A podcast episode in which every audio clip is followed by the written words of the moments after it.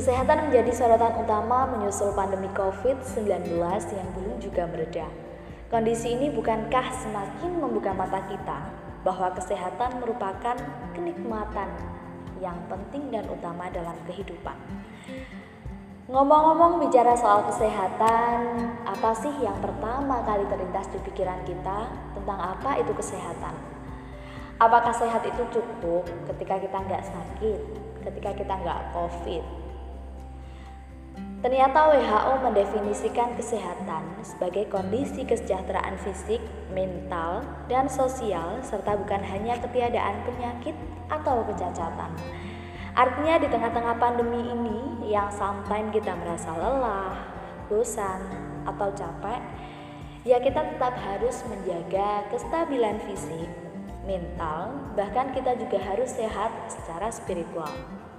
Bisa dibilang kesehatan merupakan kenikmatan dan harta berharga yang harus selalu dijaga. Ibaratnya nih, sometimes kita adalah orang yang suka banget sama seafood. Hari itu di depan kita ada berbagai jenis masakan seafood, jenis menu seafood, ada cumi, udang, dan seterusnya. Tapi saat itu juga, misal nih, kita meriang atau sariawan, Apakah seafood terasa begitu nikmat? Ya, tentu tidak. Itulah contoh kecil dari betapa nikmatnya ketika kita dikaruniai kesehatan. Harus tetap bersyukur ya. Dan itulah juga mengapa memiliki tubuh yang sehat merupakan dambaan dari setiap orang. Dengan badan, jiwa, dan raga yang sehat, kita bisa melakukan aktivitas sehari-hari dan tentu kita juga bisa menaikkan kualitas hidup yang lebih baik. Ya, namun sejak awal tahun 2020 di negara kita pandemi COVID-19 telah menyebabkan banyak disrupsi dengan dampak yang belum kita rasakan sebelumnya. Tentu dalam kesehatan publik, konteks kesehatan publik, salah satu aspek yang menerima dampak paling besar adalah tentang ketersediaan dan pelayanan kesehatan. Nah, terkait pelayanan kesehatan, saya punya cerita nih. Uh, jadi sekitar 6 atau 5 bulan yang lalu kalau nggak salah, ya, uh, salah satu keluarga saya, tetap tepatnya adik kandung saya itu yang ada di pesantren sakit dan mengharuskan untuk dirapit gitu. Karena saat-saat itu masyarakat kita dan aku, keluarga juga itu masih sangat parno dengan COVID. Ketika diharuskan dirapit itu udah dikduk gitu. Ah, nano-nano gitu rasanya. Satu hal yang membuat hati saya terusik adalah how bagaimana jika nanti hasilnya positif atau reaktif gitu. Tentu seisi rumah juga harus karantina, sedangkan di keluarga Eko itu keluarga kecil yang banyak personil gitu. Saudaraku empat tambah ibu bapak ada enam orang dong. Dan ternyata ketika hasil rapidnya keluar, hasilnya adalah reaktif. Uh, karena reaktif ya mengharuskan untuk di swab dong dan saat itu karena tesnya ada di rumah sakit e, mengikuti protokol artinya mengikuti protokolnya kesehatan yang mana ketika kita rapid itu harus dari bawah dulu gitu. E, dan itu nanti akan digratiskan difasilitasi oleh pemerintah.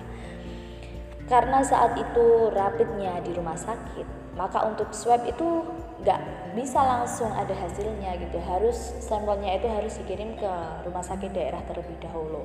Nunggu tiga hari setelah adikku di swab nah selama tiga hari itu ibuku yang orangnya disiplin uh, terlalu protektif terhadap pandemi kayak benar-benar ada effortnya gitu. Jadi selama itu semuanya olahraga gitu seolah sekeluarga olahraga berjemur gitu. Makanan pun makanan-makanan yang enak. Artinya enak di sini ya benar-benar ada gizinya gitu. Sayur setiap hari uh, kemudian protein telur dan seterusnya itu disediakan gitu oleh ibu. Nah ternyata uh, dan juga selama tiga hari itu uh, ibu juga konsul orangnya proaktif sama dokternya. Sampai hasil swab keluar dan ternyata dari delapan orang yang barengan di swab alhamdulillah adikku hasilnya negatif gitu. Uh, dan itu akhirnya persepsi itu mematahkan uh, persepsi orang-orang gitu.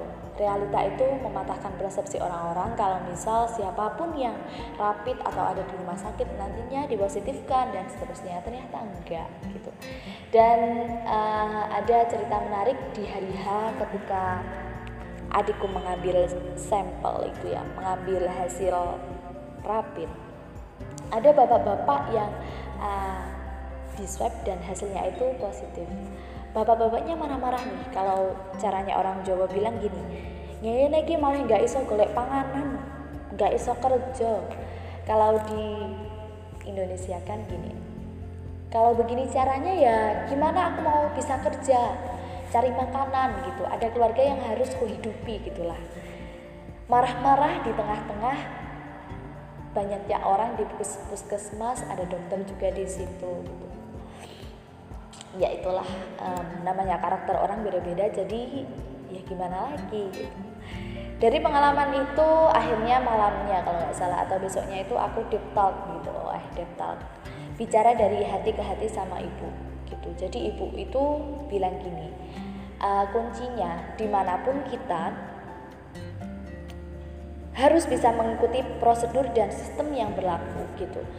Dan kita juga harus menjalin komunikasi dengan cara yang baik ketika kita memperlakukan orang secara baik maka yang akan kita dapat itu juga baik gitu. Padahal dokter dokter yang ada di puskesmas itu melayani banyak orang banyak pasien tapi beliau masih bisa uh, membalas konsulnya ibu gitu.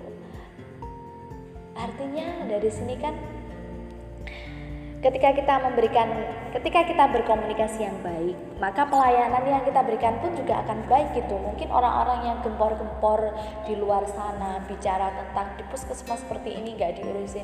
Ya karena mereka nggak proaktif gitu. Tidak memposisikan orang lain sebagaimana kita ingin diposisikan gitu. Artinya sejauh ini saya yakin dari presiden pemerintah semua tenaga kesehatan itu sudah mencurahkan dedikasi terbaiknya gitu. Uh, karena sudah mencurahkan dedikasi terbaiknya ya apa sih how yang harus kita lakukan? Bagaimana? Ya kita harus menghormati dong menghormati menghargai kerja kerasnya gitu. Nggak sakar BDW Rona Rene gitu. Nggak uh, kita nggak protes aja nggak gempor-gempor aja gitu. Nggak Artinya saya yakin sebenarnya mulai dari Presiden Bapak Jokowi yang sangat hebat, semoga sehat selalu ya Bapak. Uh, seluruh nakes, dokter, perawat dan seterusnya itu sudah melakukan dedikasi terbaiknya gitu. Kita patuhi dan kita hargai sekali lagi. Kemudian kita juga terus berikhtiar dan berdoa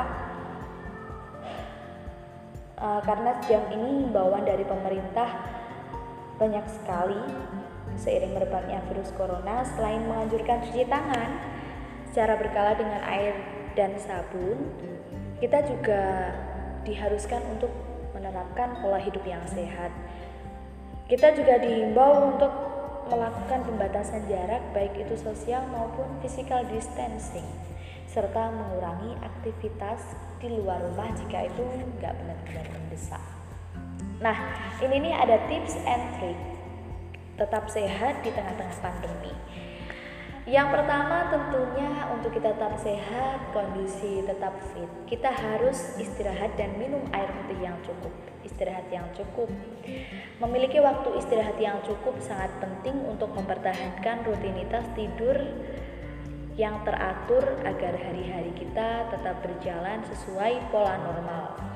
Pastikan kita untuk tidak begadang ya, karena dapat berakibat buruk pada kesehatan. Gitu. Selain cukup istirahat, kita juga harus memastikan diri kita selalu terhidrasi dengan baik lewat konsumsi air putih secara teratur dan dalam jumlah yang cukup.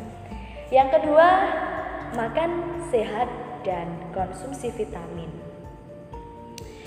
Banyak yang mengatakan bahwa tinggal di rumah selama pandemi COVID-19 adalah momen yang terbaik bagi tubuh untuk memperoleh gizi seimbang gitu. Artinya kan kita nggak kerja, di luar rumah nggak terburu-buru gitu sarapan pun bisa dilakukan ketika kita work from home atau WFH gitu atur menu makanan uh, keluarga keluarga kita agar tetap memenuhi unsur-unsur zat gizi yang lengkap dalam jumlah yang sesuai tidak lebih dan tidak kurang kemudian juga konsumsi serat nih buah-buahan gitu karbohidrat dan protein yang cukup kemudian um, selanjutnya adalah menjaga higienitas. Walaupun berada di dalam rumah untuk waktu yang cukup lama, kita juga harus tetap memprioritaskan kebersihan diri dan lingkungan sekitar gitu. Pastikan mencuci tangan dengan sabun dan air mengalir seperti sebelum dan sesudah makan ya tentunya harus cuci tangan dong kemudian setelah dari toilet cuci tangan setelah beraktivitas dan uh, jika tangan kotor itu tentunya harus dicuci. Kemudian jika kita batuk atau bersin tutupi hidung dan mulut dengan tisu. Setelahnya segera buang tisu ke tempat sampah dan mencuci tangan hingga bersih. Selanjutnya hmm, itu adalah beberapa tips and trick gitu. Tetap sehat ya, makanannya tetap dijaga, airnya harus cukup, kemudian uh, sebisa mungkin menjaga higienitas rumah. Nah, uh, selain menjaga kesehatan dan kebugaran fisik, kita juga harus memperhatikan kesehatan mental gitu, agar tetap dapat tenang dan berpikiran positif selama menghadapi pandemi COVID-19. Serta kita juga harus selektif terhadap informasi yang kita dapat dan memastikan menerima dari sumber yang akurat serta dapat dipercaya. Kemudian berkomunikasilah selalu dengan keluarga dan sahabat untuk menanyakan kabar, saling memberikan dukungan, dan mari tetap sehat dan semangat di tengah pandemi ini. Tentunya kita nggak cukup untuk sehat fisik aja ya, kita juga harus sehat pikiran yang harus tercermin dari pola pikir kita yang sistematis, terurut, dan logis Kemudian kita juga harus sehat spiritual gitu. Uh, pandemi ini merupakan sarana kita untuk semakin mendekatkan uh, diri dengan yang maha kuasa gitu, ibadah yang benar-benar gitu, kuantitas maupun kualitasnya ditingkatkan lagi, terus bersyukur gitu. Uh, kemudian Sehat secara emosional itu juga harus tercermin dari kemampuan kita untuk mengekspresikan emosi atau pengendalian diri yang baik. Kemudian kita juga harus sehat sosial gitu. Kita harus baik dalam berhubungan dengan orang lain, mampu berinteraksi dengan kelompok lain tanpa membeda-bedakan ras, suku, agama, kepercayaan, status sosial gitu. Dan yang selanjutnya adalah sehat dari aspek ekonomi gitu artinya kita tetap harus menjaga baik gitu mengatur regulasi masuk dan keluarnya uang ya karena kesehatan ekonomi itu juga berpengaruh terhadap pola pikir dan uh, kesehatan emosional kita ya mungkin sampai ketika kita nggak ada uang bawaannya pengen marah-marah terus gitu jadi kita harus benar-benar cermat dalam mentasarufkan uang.